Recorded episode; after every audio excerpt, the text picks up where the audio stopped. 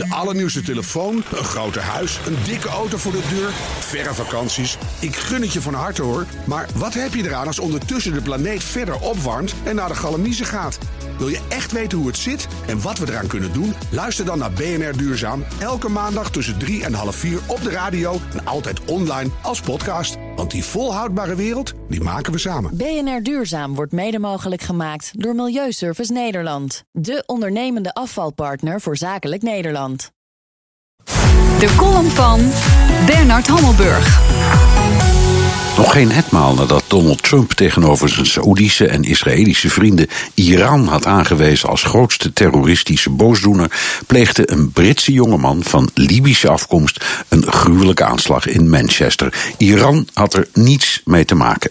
Sterker nog, Iran veroordeelde de aanslag en wees in bedekte termen naar Saoedi-Arabië als inspirator van al het terroristische kwaad. Wie heeft er nou gelijk? Het hangt er vanaf waar je woont. Dat Iran sponsor van zijn eigen republikeinse gardes, Hezbollah en Hamas, een gigantische bedreiging is voor Israël, de Syrische oppositie, Jordanië en de minderheden in Irak, is een feit. Dus daar heeft Trump een punt. Maar als je de lijst terroristische aanslagen in Europa sinds 9-11 bekijkt, vind je zelfs met een loep geen band met Iran. Vrijwel alle daders hadden een radicaal Soenitische achtergrond. Al-Qaeda, IS, Al-Nusra, het zijn allemaal organisaties met wortels in Saoedi-Arabië, geïnspireerd en vaak gefinancierd door het Saoedische Wahhabisme.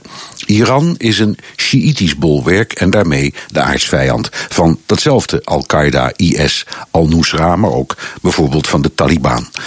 Europese jihadisten als Salman Abedi uit Manchester hebben allemaal hetzelfde profiel. Teruggekeerde Syriëgangers, geradicaliseerde sympathisanten van het Wahhabisme en af en toe een door IS of Al-Qaeda geronselde strijder. Als Iran raketten test met als opschrift Israël moet van de kaart geveegd en er staan tienduizenden Hezbollah-raketlanceerders op Israëlische doelen gericht, dan vormt het hoogontwikkelde intelligente Iran vanzelfsprekend de grootste bedreiging. Maar voor landen buiten de directe regio is het echt Saoedi-Arabië dat de grootste sponsor van het terrorisme is.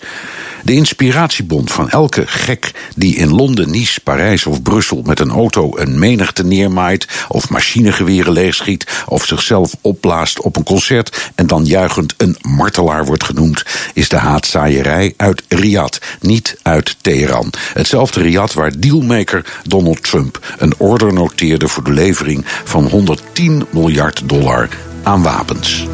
U hoort de column van de buitenlandcommentator Bernard Hammelburg... en die kunt u teruglezen en luisteren. Sterker nog, moet u gewoon doen op bnr.nl en op de BNR-app.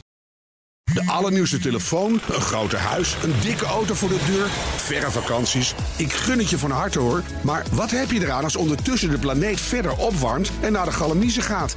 Wil je echt weten hoe het zit en wat we eraan kunnen doen? Luister dan naar BNR Duurzaam. Elke maandag tussen 3 en half 4 op de radio en altijd online als podcast. Want die volhoudbare wereld, die maken we samen. BNR Duurzaam wordt mede mogelijk gemaakt door Milieuservice Nederland. De ondernemende afvalpartner voor zakelijk Nederland.